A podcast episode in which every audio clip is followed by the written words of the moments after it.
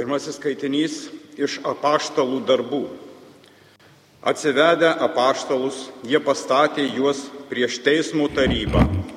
Vyriausiasis kunigas metė jiems kaltinimą. Mes jums drauste uždraudėme mokyti to vardu, o štai jūs užtvindėte Jeruzalę savo mokslu ir dar norite ant mūsų galvų užtraukti to žmogaus kraują. Petras ir apaštalai atsiliepė. Dievų reikia klausyti labiau negu žmonių. Mūsų protėvių Dievas prikėlė Jėzų, kurį jūs nužudėte, pakabindami ant medžio. Dievas išaukštino jį savo dešinę kaip vadą ir išgelbėtoją, kad suteiktų Izraeliui atsivertimą ir nuodėmių atleidimą. Ir mes esame tų įvykių liudytojai taipogi ir šventoji dvasia, kurią Dievas suteikė tiems, kurie jo klauso. Išgirdę šitos žodžius, jie baisiai iširdo ir norėjo juos užmušti. Tai Dievo žodis. Dėkojame Dievui.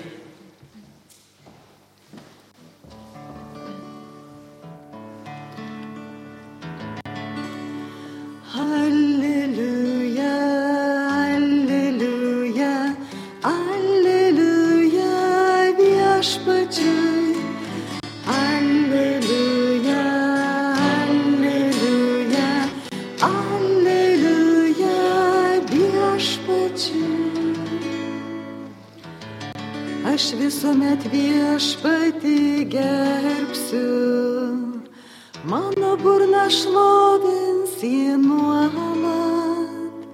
Patyrinėkit ir pamatysit, koksai viešpats geras.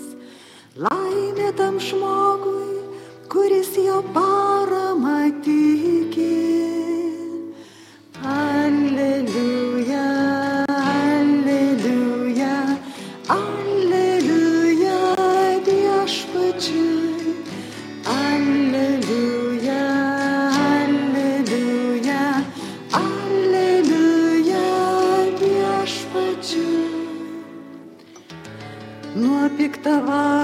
nusigręš viešpaties veidas ir nieks nebeminė žemė jų vardo. Šaukės teisėjai, juos viešpats išgirsta, iš visų nelaimių juos gelbi.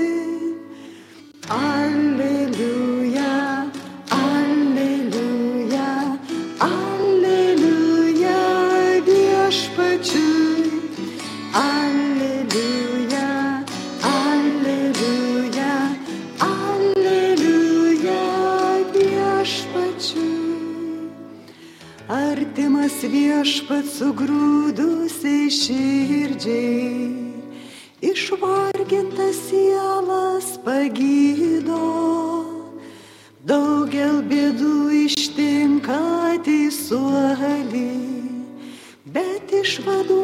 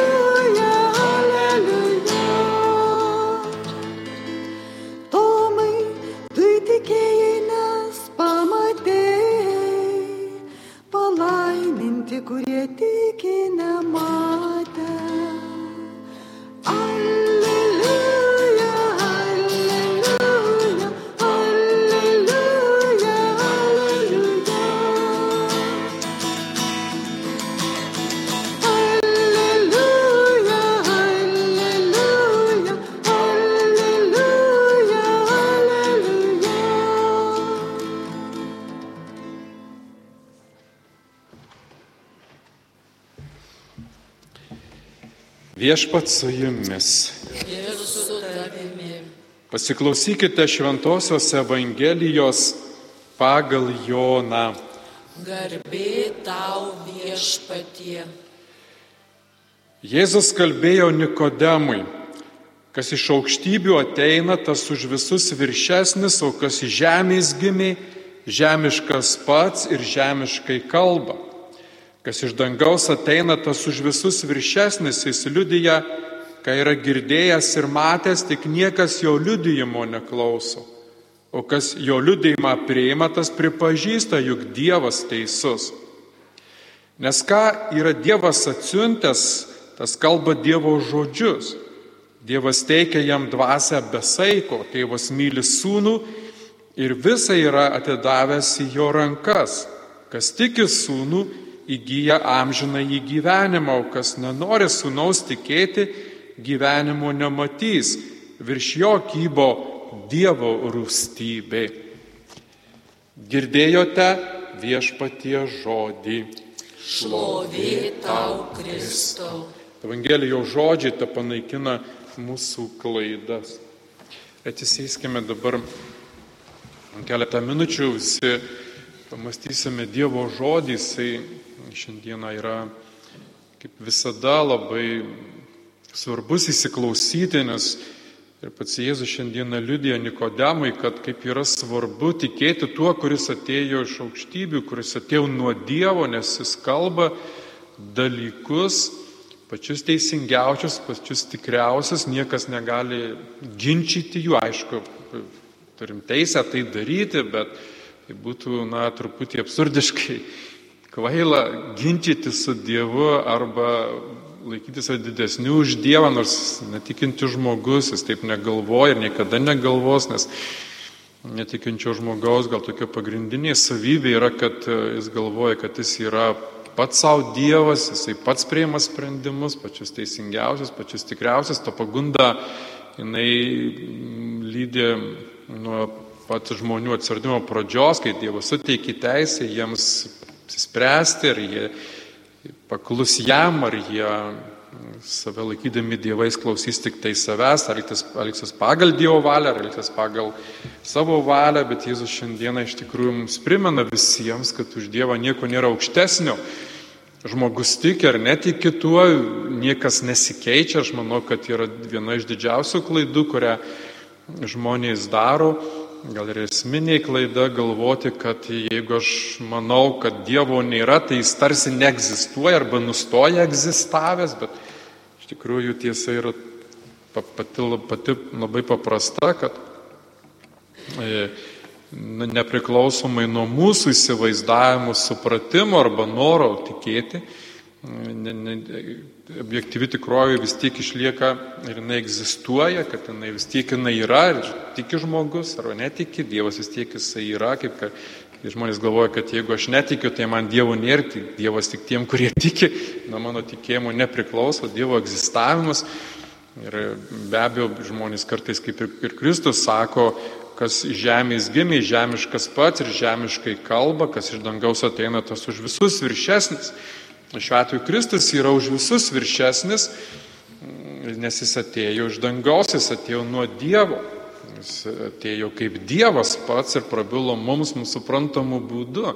Atėjo prakalbinti žmogų, atėjo ne kažkokiomis pareigomis apkrauti ir pasakyti, koks tu negeras arba kaip, kaip tu blogai elgiesi, bet priešingai jis atėjo mūsų sugelbėti ir ta tiesa kuri, manyčiau, yra pagrindinė esminė šventajame rašte, kad Dievas taip pamilo pasaulį, kad atidavė savo vienatinį sūnų, kad kiekvienas, kuris įtiki, nepražūtų, bet turėtų amžinai gyvenimą ir jinai nuolat yra skelbiama pasauliui.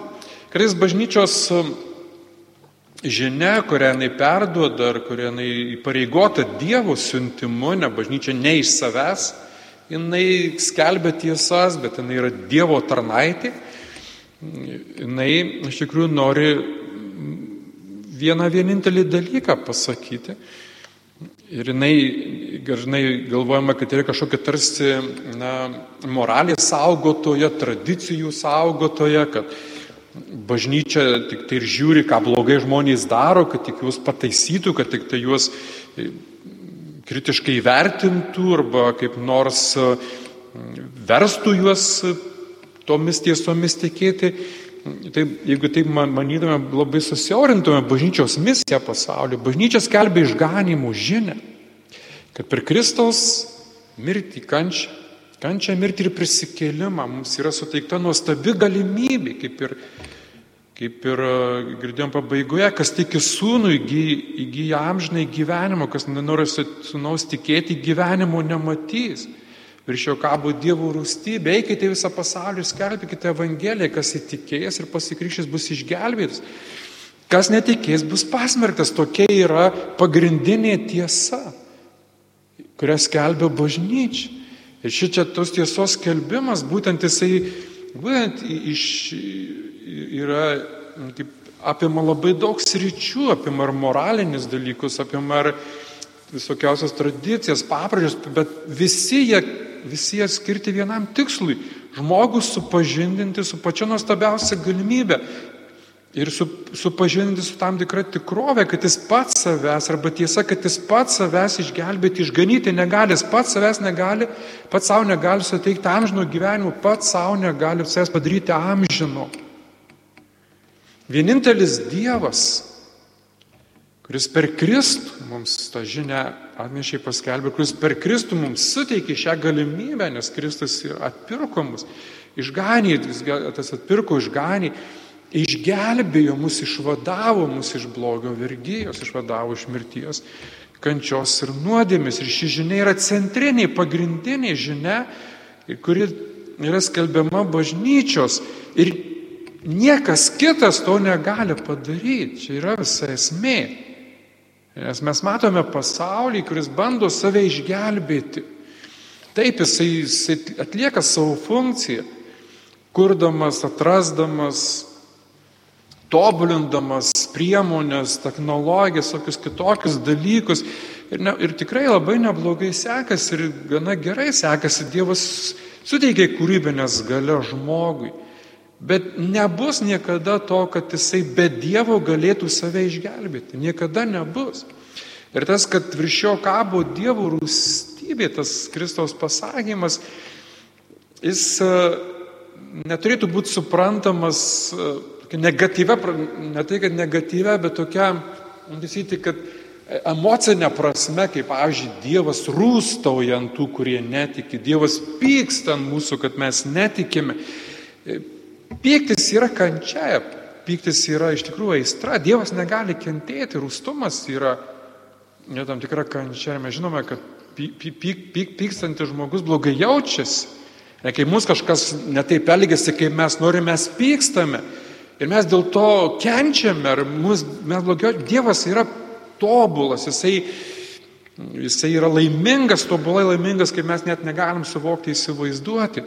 Rūstybė iš tikrųjų yra tai, kad žmogus pats, sakytume, prieš save arba pats savo kenkdamas, jisai atima galimybę arba nusigręždamas nuo to, jisai tarsi Dievą, paniekina Dievo darbą, ar ne tik, kad jisai Dievas pyksta kažkaip, arba Dievas kažkaip tai rūstus yra, bet kad iš tikrųjų jisai atmesdamas meilę, pats Dievą tokiu laiku, rūstaujančiu piktu.